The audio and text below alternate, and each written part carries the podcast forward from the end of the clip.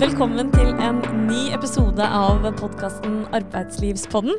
Podkasten der vi tar opp sentrale temaer med juridiske implikasjoner innenfor arbeidslivet på en enkel, engasjerende og forståelig måte. Podkasten passer for alle som møter arbeidsrettslige utfordringer, men særlig ledere og HR-personell i norske bedrifter. Og i denne episoden så har vi med oss Malin og Heidi. Hallo. Hei, hei. Hallo. kan, uh, vi kan begynne med deg, Heidi. Det er første gangen du er med i vår podkast. Kan du fortelle litt, uh, litt, om deg selv? Det kan jeg gjøre. Jeg er senioradvokat og jobber ved Tønsberg-kontoret til SAS. Der er jeg tilknytta arbeidsrettsgruppen og har nå ca. ti års erfaring som advokat. Mm, bra. Og Malin, du velkommen tilbake til podkasten. Hyggelig å ha deg med igjen.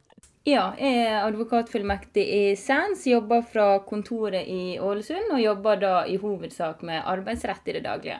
Og For å hoppe litt rett i det, så er temaet i dag arbeidsavtalen. Og eh, Heidi, hva er egentlig en arbeidsavtale? Jo, en arbeidsavtale det er jo en avtale som regulerer partenes rettigheter og plikter. Og partene i en arbeidsavtale det er jo arbeidsgiver og arbeidstaker. Og de viktigste ytelsene i et uh, sånn type arbeidsforhold uh, er jo tid og kompetanse som skal gis uh, eller stilles til disposisjon fra arbeidstakers side. Og det viktigste ytelsen som arbeidsgiver skal gi, er jo da lønn. Og i utgangspunktet så er jo en arbeidsavtale en helt vanlig avtale. Den blir f.eks. til på samme måte som enhver annen avtale, ved tilbud og aksept. Og dermed så kan jo for så vidt også en arbeidsavtale bli inngått muntlig, noe den ofte gjør ved at man aksepterer den muntlig. Men så er det jo sånn at eh, det er noen krav til at den skal bekreftes skriftlig eller settes opp skriftlig. Det er et eh, ufravikelig krav som er lurt å følge. Og så er det sånn at det er arbeidsgiver som har ansvar for at en sånn skriftlig arbeidsavtale kommer på plass. Så kan jo en sånn arbeidsavtale kan ha ganske ulik utforming. Den kan være ganske enkel, eller den kan være relativt omfattende, eller eh, kanskje mest vanlig noe midt imellom. Og hva man eh, bør ha i det enkelte arbeidsforholdet, vil jo komme an på hvilken type virksomhet man har med å gjøre, og hvilken type stilling. Vi skal eh, snart inn på innholdet i arbeidsavtalen, men aller først, når skal egentlig arbeidsavtalen inngås? For alle arbeidsforhold som har en varighet på mer enn én måned, så skal arbeidsavtalen gjøres klar skriftlig så snart som mulig, og være signert senest innen en måned etter at arbeidstaker har tiltrådt stillinga. I arbeidsforhold med kortere varighet, typisk midlertidig arbeidsforhold, vikariatstillinger, som skal vare under en måned, så er det krav til at arbeidsavtalen skal være skriftlig inngått umiddelbart. Og her kan jeg jo skyte inn at eh, det samme gjelder jo også ved endringer i en arbeidsavtale. Eh, så hvis det blir gjort endringer, så skal også de inntas skrift eller bekreftes skriftlig snarest mulig, og senest innen en, måte, en måned etter at endringen er trådt i kraft. Og her syndes jo det en del. Vi opplever til stadig å være i kontakt med arbeidsgivere hvor det er skjedd ofte forholdsvis vesentlige endringer i arbeidsforholdet uten at arbeidsavtalen er oppdatert i henhold til det. Og det er ganske uheldig og kan skape da uklare situasjoner ved senere uenighet eller tvister. Så man kan ha situasjoner hvor en arbeidstaker har hatt opprykk til ny stilling at det har skjedd endringer i arbeidsoppgave eller ansvar, eller kanskje til og med at den ansatte er gått over i en særlig uavhengig stilling uten at arbeidsavtalen er oppdatert i henhold til det, og at det da senere kan komme tvist eh, med overtidskrav fra arbeidstaker, f.eks. Mm, du, du, var litt inne på det, Heidi, dette med altså, skriftlig arbeidsavtale og muntlig. At man ofte bare kan bli enige om å akseptere det en arbeidsavtale arbeidsavtale eh, med, en, med, et håndtrykk. Men eh, hva hvis det da aldri blir inngått en skriftlig arbeidsavtale? Ja, da er det jo slik at arbeidsforholdet består jo selv om man ikke, ikke har oppfylt kravet til skriftlighet. Så det, det, er ikke sånn at uh, manglende skriftlighet medfører ugyldighet. For en muntlig avtale er like bindende som en skriftlig avtale, og det gjelder også for uh, arbeidsavtaler. Eh, så er det jo likevel slik da, at muntlige avtaler byr jo på enkelte utfordringer. Særlig da hvis man eh, får en uenighet. Da har man ikke den skriftlige avtalen man kan vise til om hva som er avtalt. Og det kan lett oppstå uenigheter og tvister om hva som egentlig er avtalt, f.eks. om lønn eller overtidsbetaling, arbeidstider eller hvilke tilleggsgoder som gjelder for stillingen. Og da har man jo en litt vanskelig situasjon hvor det ofte blir eh, påstand mot påstand. Og i en slik situasjon så er det jo da sånn at risikoen for uklarhet ofte går utover arbeidsgiver. Så, og da slik at tvil om innholdet det blir tolka i arbeidsgivers disfavør. I lys av det så kan vi vel ikke få sagt mange nok ganger at det er viktig å få den skriftlige arbeidsavtalen på plass. At det kan spare arbeidsgiver for mange senere konflikter. Og om det oppstår noe, så er det oftest i arbeidstakers favør, på en måte. Eller, altså, det, er, det er eh, de som oftest kommer godt ut av, eller bedre ut av en sånn uh, situasjon. Ja, Det trenger jo ikke nødvendigvis være sånn, men det er jo i hvert fall sånn at det er arbeidsgiver som har ansvaret for å sørge for skriftlighet. Da. Og hvis arbeidsgiver ikke har oppfylt den forpliktelsen, så vil det i hvert fall lett eh, bli tolka i den retning at, eh, at, det er arbeidsgiver som, eh, som på en måte står svakere, da, i hvert fall med sitt alternativ. Og så kommer det jo selvfølgelig an på den konkrete situasjonen, hva man tvister om, og hvilke andre momenter er som tilsier den ene eller andre løsningen. da. Mm. Ok, Da har vi i hvert fall fått fram her at en skriftlig avtale det må på plass. Men hva skal på plass i denne avtalen? Ja, Det er jo regulert i arbeidsmiljøloven, som sier at uh, en arbeidsavtale skal inneholde opplysninger om forhold som er av vesentlig betydning i arbeidsforholdet. Og så er det også der en uh, smørbrødliste som lister opp uh, minimumskrav som må inn i arbeidsavtalen. Vi skal ta dere raskt gjennom denne smørbrødlista. Aller først så kreves det da at arbeidsavtalen angir hvem som er part i avtalen. Det er jo en enkel oppgave å sette inn. Det er arbeidsgiver og arbeidstaker. Det som er viktig å huske på her, er arbeidsgivere som har organisert virksomheten i mor- og datter- og søsterselskaper. Så er det viktig å få inn tydelig og klart i arbeidsavtalen hva slags rettslig subjekt som er arbeidsgiver. Eh, et annet element som må inn i arbeidsavtalen, er eh, arbeidsplassen. Altså hvor arbeidsplassen befinner seg. Og Hvis det er slik at man ikke har en fast arbeidsplass, så skal det angis eh, at man arbeider på ulike steder, og så må man oppgi forretningsadresse eller eventuelt hjemsted til arbeidsgiver. Det vi ser her, er jo at man mange ganger tar inn kanskje en adresse eller i hvert fall et, et bestemt sted, og det oppfyller jo lovens krav. Men eh, det kan også være verdt å merke seg her, i hvert fall fra arbeidsgivers side, at eh, man kan også skape seg litt rom for fleksibilitet her ved å legge til eh, noen andre elementer, som at arbeidsstedet for tiden er ved selskapets kontor i en angitt by, eller kanskje også en setning om at arbeidsgiver med behov kan endre arbeidsstedet. Det kan gi mulighet og rom for å, å foreta endringer i medhold av styringsretten på et senere tidspunkt, hvis det blir nødvendig. Men la oss si at uh, jeg, uh, arbeids, uh, jeg, som arbeidsgiver jeg er mesterhus. Vi bruker det som eksempel. Så har jeg masse håndverkere som er mine ansatte. Og vi har en arbeidsplass, men de jobber kanskje på et hus eller en et, byggeplass som er en time unna arbeidsplassen, da, der det står i kontrakten egentlig at, at plassen er. Og du starter på jobb klokka sju. Når begynner egentlig arbeidstida di da? Da er det sånn at uh, man er på jobb når man står til arbeidsgivers disposisjon for å utføre arbeid. Så det kan man uh, til en viss grad regulere i arbeidsavtalen da, om, om, man skal møte opp. For det er klart at uh, det er mulig å pendle til en, til en, arbeidsplass som ligger langt unna, som man selv har valgt, og at det ikke er arbeidstid den tiden man er på reise. Men eh, stillinger som innebærer stor grad av reiseaktivitet, så kan det være slik at man begynner på jobb egentlig når man setter seg i bilen eh, på gårdsplassen hjemme. Det som ofte er vanlig når man har sånne typer arbeidsforhold, er jo at man inntar en klausul i arbeidsavtalen om at man har fast oppmøtested på arbeidsgivers forretningsadresse. Jeg var borti det i en oppsigelsessak som jeg hadde for retten, hvor det nettopp var snakk om en sånn snekker som jobba på ulike oppdrag ute. Og Der var det inntatt en klausul i arbeidsavtalen om at arbeidstaker likevel alltid skulle møte opp på arbeidsgiver sin eh, forretningsadresse, fordi at de der sammen pakka utstyr i bil og dro samla ut på arbeidsplass.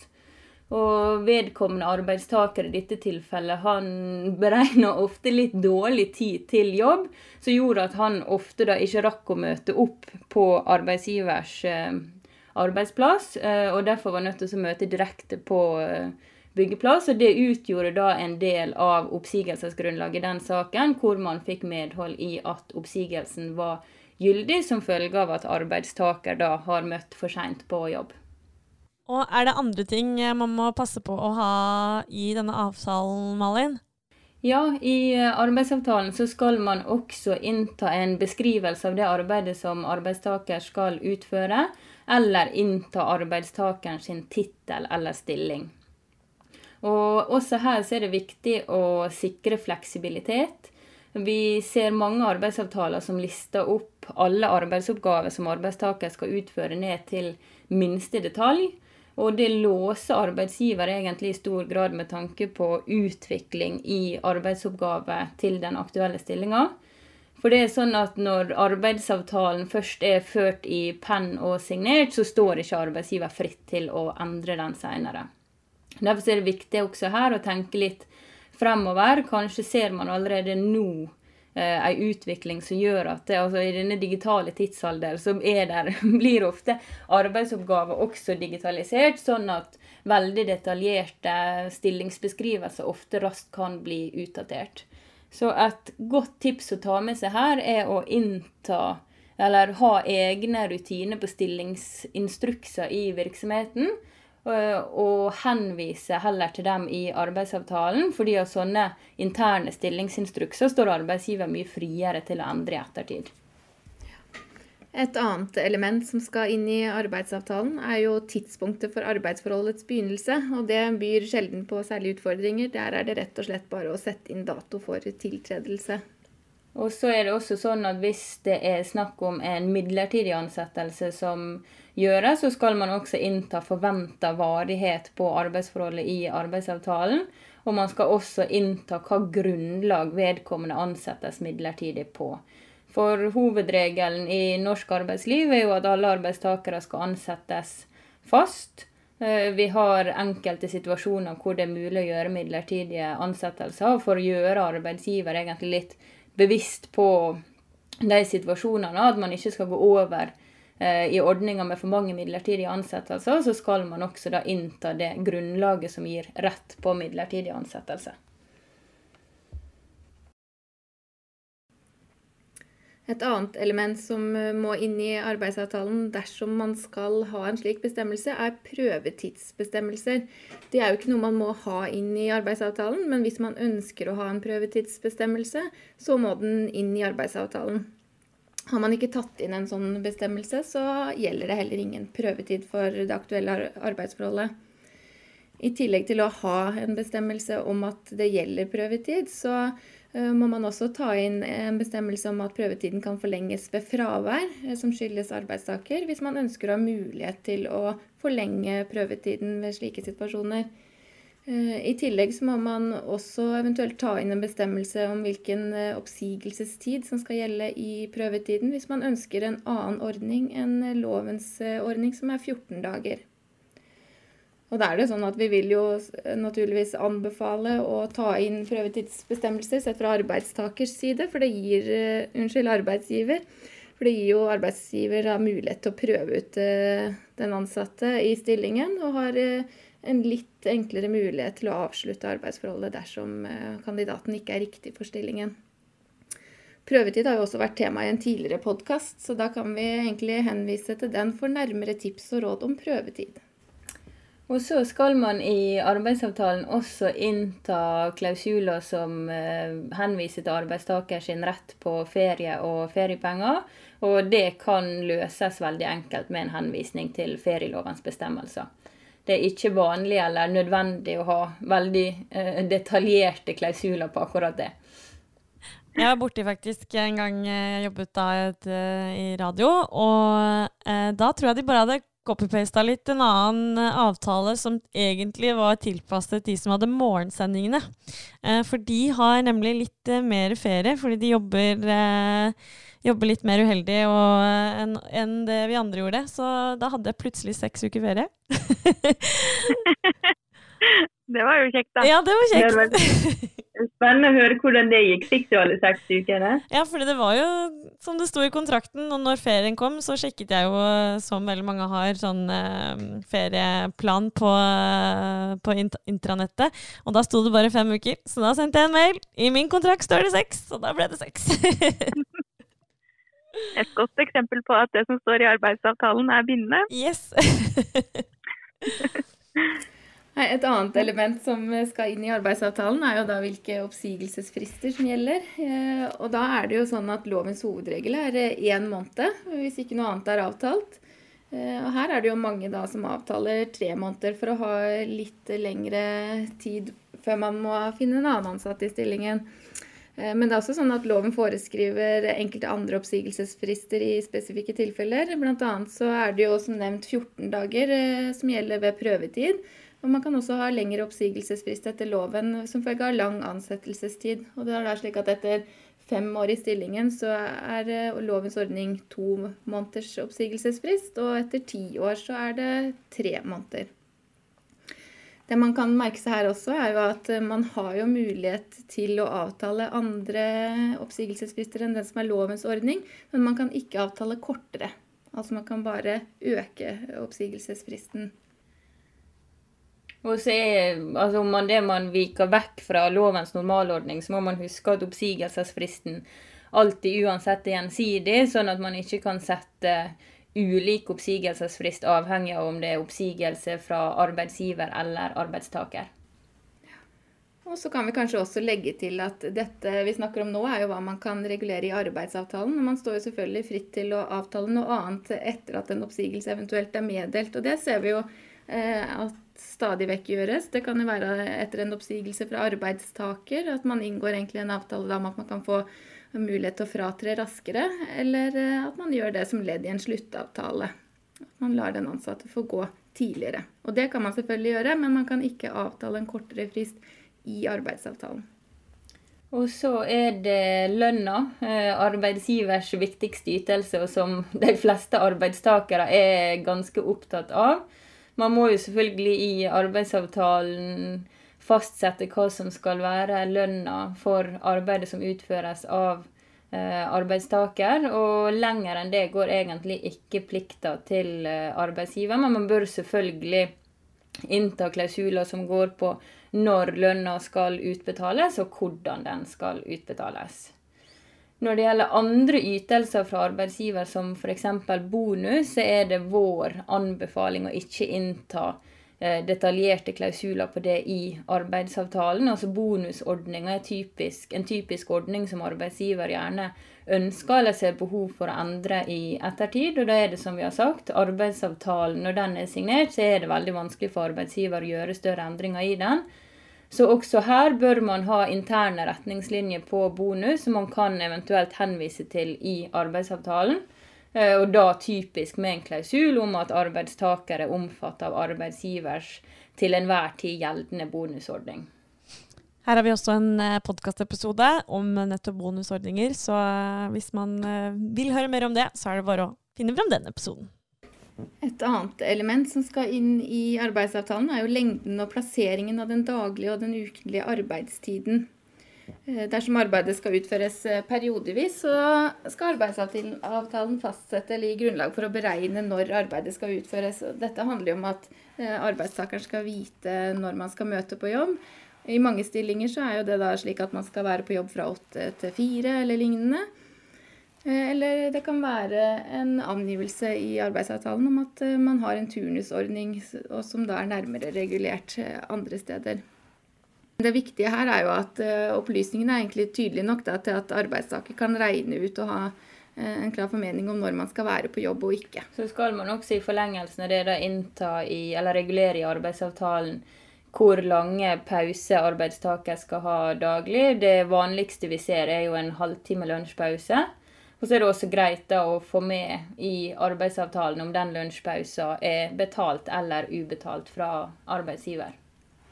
Og nå begynner vi å nærme oss slutten på denne lista med minimumskrav. Eh, og da er det også slik at eh, hvis man har en avtale om en særlig arbeidstidsordning, så skal det også fremkomme av arbeidsavtalen. Og dette kan være elementer som at man har fritak for nattarbeid, fleksibel arbeidstid, rett til, redusere, red, unnskyld, rett til redusert arbeidstid eller lignende. Og for de arbeidsforholdene som er regulert av tariffavtaler, så skal man også innta opplysninger om det i arbeidsavtalen. Og der var vi gjennom smørbrødlista. Og denne kommer jo bl.a. til uttrykk i maler. Og fra Arbeidstilsynets side så er det utarbeida en mal for en standard arbeidsavtale som dekker disse kravene. Det ser vi jo at enkelte bruker, men eh, som regel så bør arbeidsavtalen også inneholde noe mer enn disse minimumskravene. og Derfor så anbefaler vi jo at man ikke bare bruker en mal, men også reflekterer rundt hva er det denne virksomheten eh, krever av spesielle reguleringer, og hva er det eventuelt også ved dette konkrete arbeidsforholdet? Krever dette noe spesielt, eller noen andre tillegg? Erfaringsmessig ser vi at veldig mange arbeidsgivere bruker for lite tid på å lage en god og gjennomtenkt arbeidsavtale, og jeg jobber også en del med skipsarbeidsrett. Eh, vi har jo en egen skipsarbeidslov for eh, arbeidstakere som utfører arbeid om bord på skip. Og her er det også utarbeida maler som skal benyttes faktisk når man skal uh, inngå arbeidsavtalen. Og da er det blitt en sånn konsensus eller vanlig oppfatning av at man fyller ut den fra A til Å uten å tenke gjennom særlige reguleringer i arbeidsavtalen. Men også for sånne maler så er det alltid en rubrikk uh, med særlig avtalte forhold, hvor man kan gå inn og så gjøre litt ekstra reguleringer utover disse minimumskravene. Og det man skal huske på, er at arbeidsavtalen den inngås i fredstid. Man eh, er funnet riktig kandidat for jobben. Arbeidstaker har takka ja til stillinga. Det er en god tone mellom partene. Og i den situasjonen så har arbeidsgiver ganske stor påvirkningskraft egentlig til å få til en balansert og god arbeidsavtale basert på virksomheten sitt behov. Eh, og selvfølgelig, det toget eller den båten har jo ofte gått når konflikten i ettertid allerede er oppstått. Så bruk god tid til å tenke gjennom eh, gode valg og se litt fremover når man eh, setter opp arbeidsavtalen. Gode ord fra deg, Malin. Eh, nå har vi vært igjennom denne smørbrødlista av minimumskravene.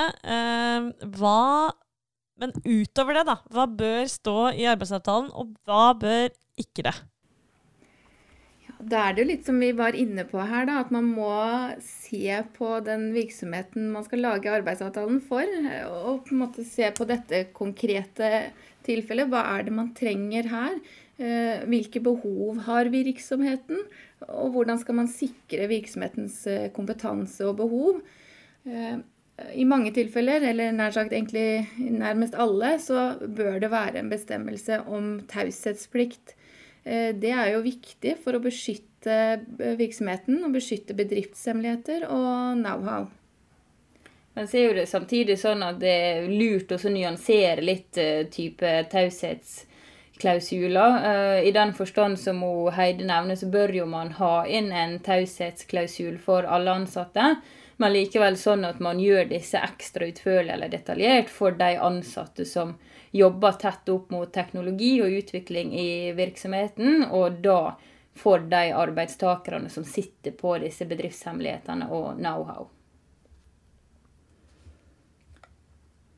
Og så er det lurt for virksomheten å gå inn og ta en vurdering på om man skal innta konkurranseklausuler i arbeidsavtaler. Vi opplever når vi skal sette opp eh, arbeids, ne, arbeidsavtaler for ulike arbeidsgivere, så er det enkelte som er veldig sånn på at ja, vi er nødt til å ha en konkurranseklausul, mens andre er sånn nei, det har ikke vi behov for. Uh, og da er det ofte sånn at de som ønsker å ha det inn, de vil ha det for alle ansatte, mens de som vanligvis ikke bruker å ha konkurranseklausuler, heller ikke har det for uh, typiske lederstillinger. Og her kan man finne ei mellomordning. Uh, det som er med en konkurranseklausul, det er at den er nødt å være skriftlig for å være gyldig. Og Derfor så kan det være fornuftig å innta en sånn klausul i arbeidsavtalen.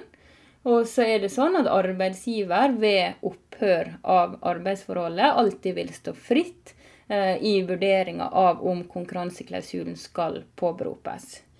For hvis det fra arbeidsgivers side påberopes konkurranseklausul, så eh, kommer det med en lønnsplikt fra arbeidsgiver eh, i hele den perioden som klausulen påberopes.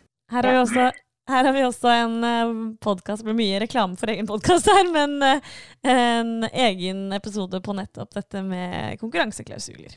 Et annet element som ligner litt på konkurranseklausuler, er jo kundeklausuler og rappeklausuler. Dette er klausuler som begrenser arbeidstakerens adgang til å ta kontakt med arbeidsgivers kunder etter arbeidsforholdets opphør. Eh, det er da begrensa til kunder man har hatt kontakt med eller hatt ansvar for det siste året. Og en rappeklausul det er rett og slett en klausul som begrenser muligheten til å rekruttere kolleger.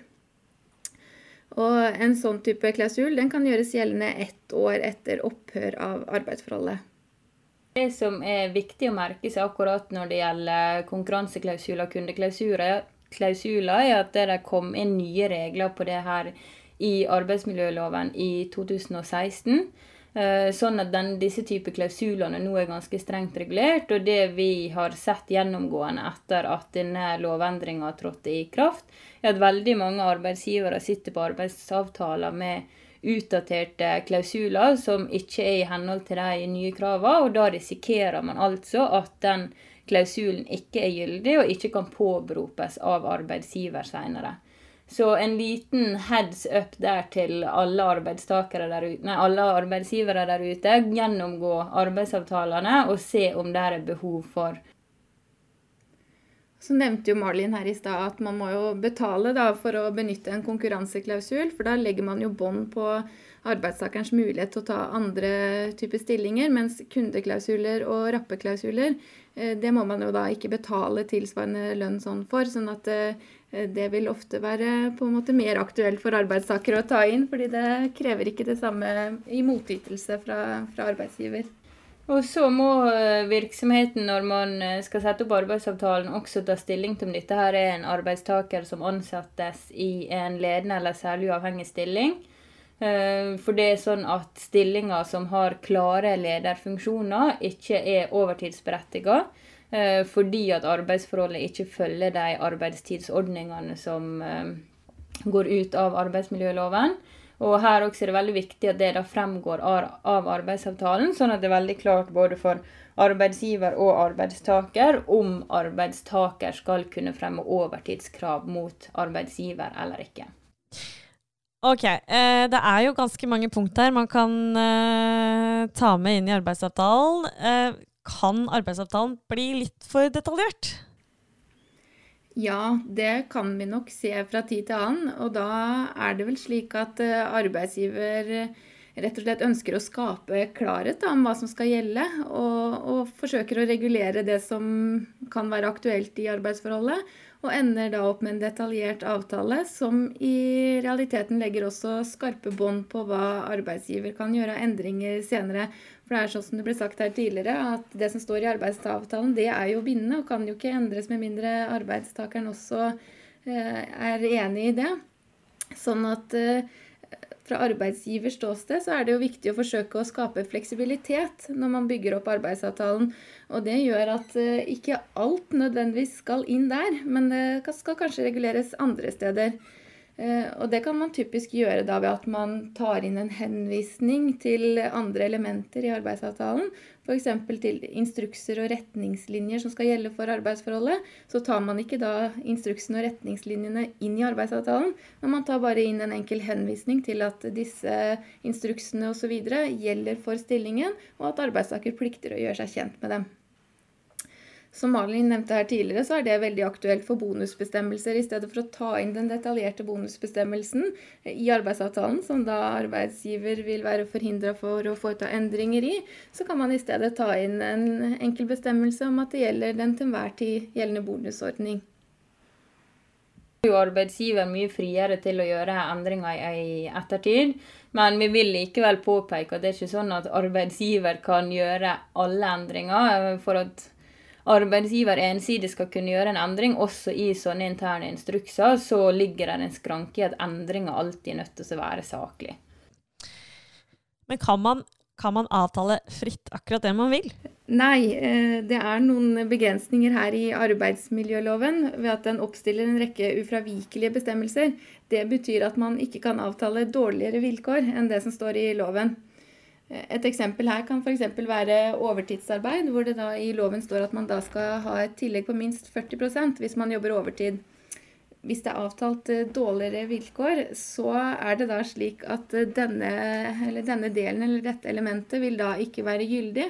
Og, og, det har ikke noen betydning om avtalen er signert og sånn sett ment å være inngått av begge parter. For i et, et slikt tilfelle så vil lovens eh, regler da rett og slett tre inn. Sånn at er det avtalt 20% eller ingen overtidsbetaling, så vil man likevel ha krav på okay, 40 Da har vi blitt enige. Avtalen er utformet, vi har signert. Eh, men så ser arbeidsgiver at jeg har egentlig lyst til å gjøre noen endringer her. Kan arbeidsgiver da gjøre dette? Som vi har vært inne på, så er det ikke fritt frem for arbeidsgiver å endre på arbeidsavtalen. Og her har vi et uh, nøkkelbegrep som heter arbeidsgivers styringsrett. Uh, og da er det sånn at arbeidsgiver kun kan foreta endringer som ligger innenfor denne styringsretten. Og arbeidsgivers styringsrett den begrenses både av lov Eh, rettspraksis og avtaler, og derfor så vil selve arbeidsavtalen legge begrensninger på arbeidsgiver.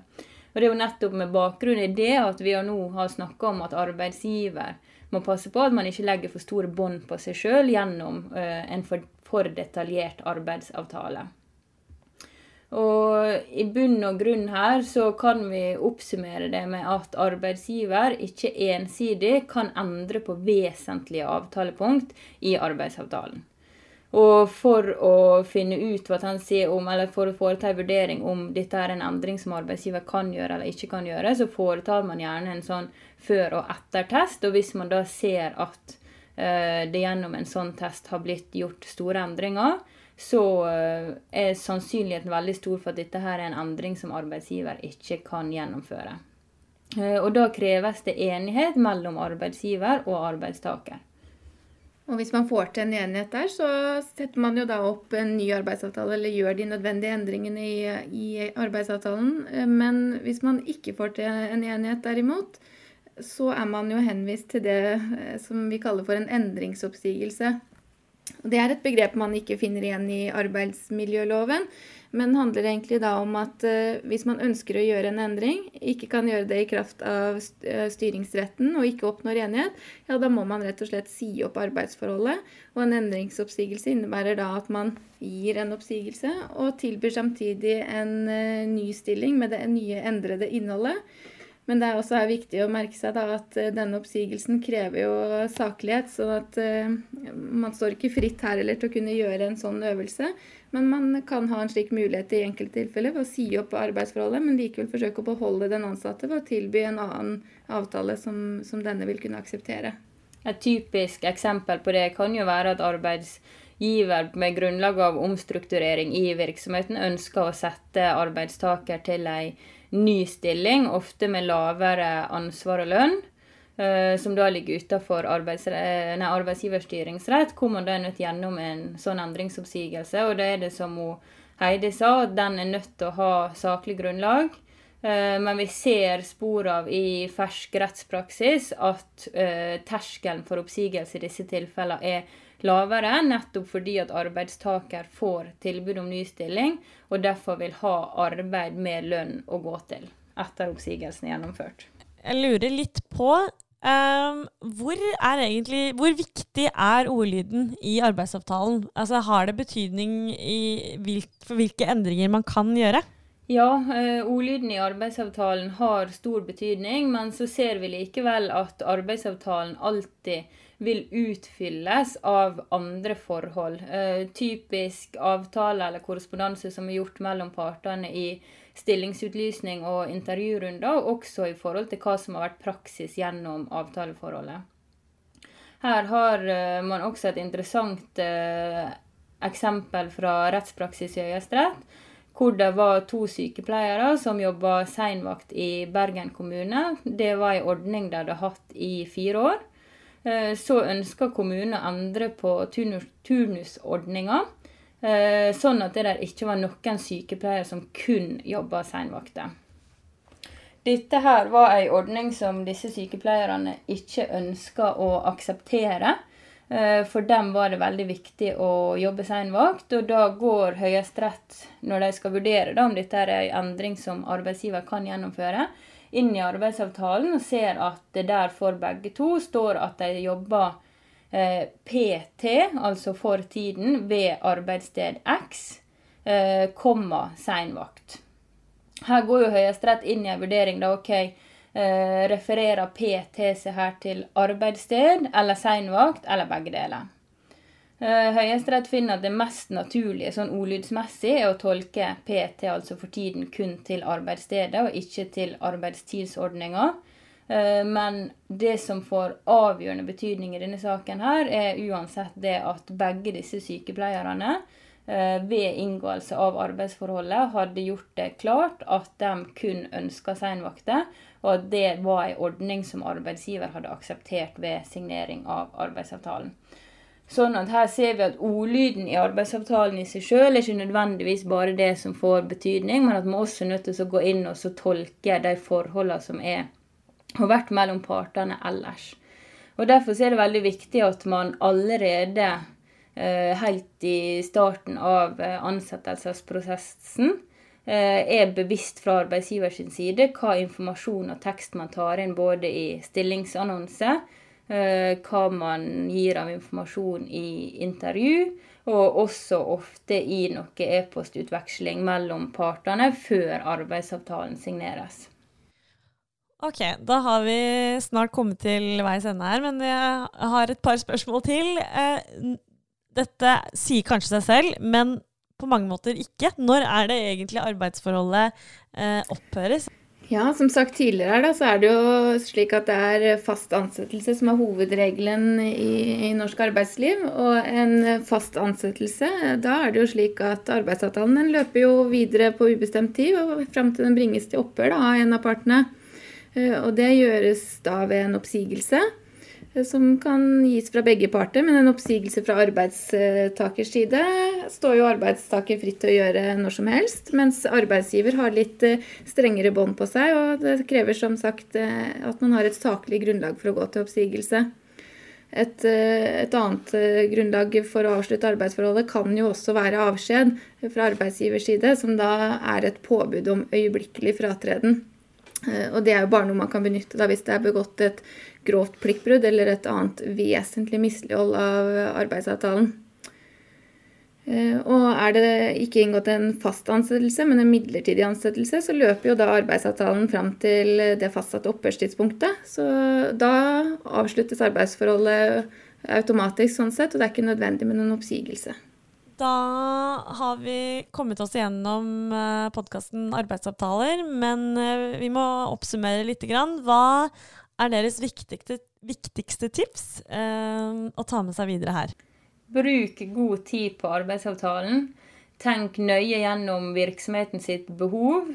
Se litt fremover i tid og få inn det som er eh, viktige punkter for virksomheten, uten å bare følge en fastsatt mal.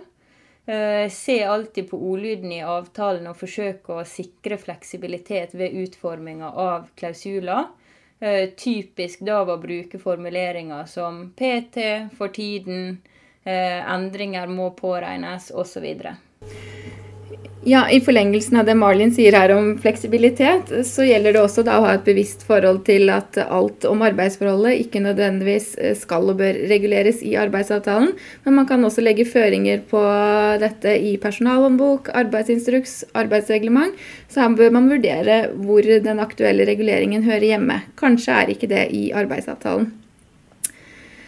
I tillegg er det, som ble nevnt her av Marlin eh, ganske kort før her også, at det er viktig å ha et bevisst forhold til hva man ønsker eh, skal være en del av arbeidsforholdet, helt fra man eh, starter stillingsutlysningen egentlig, og starter ansettelsesprosessen der.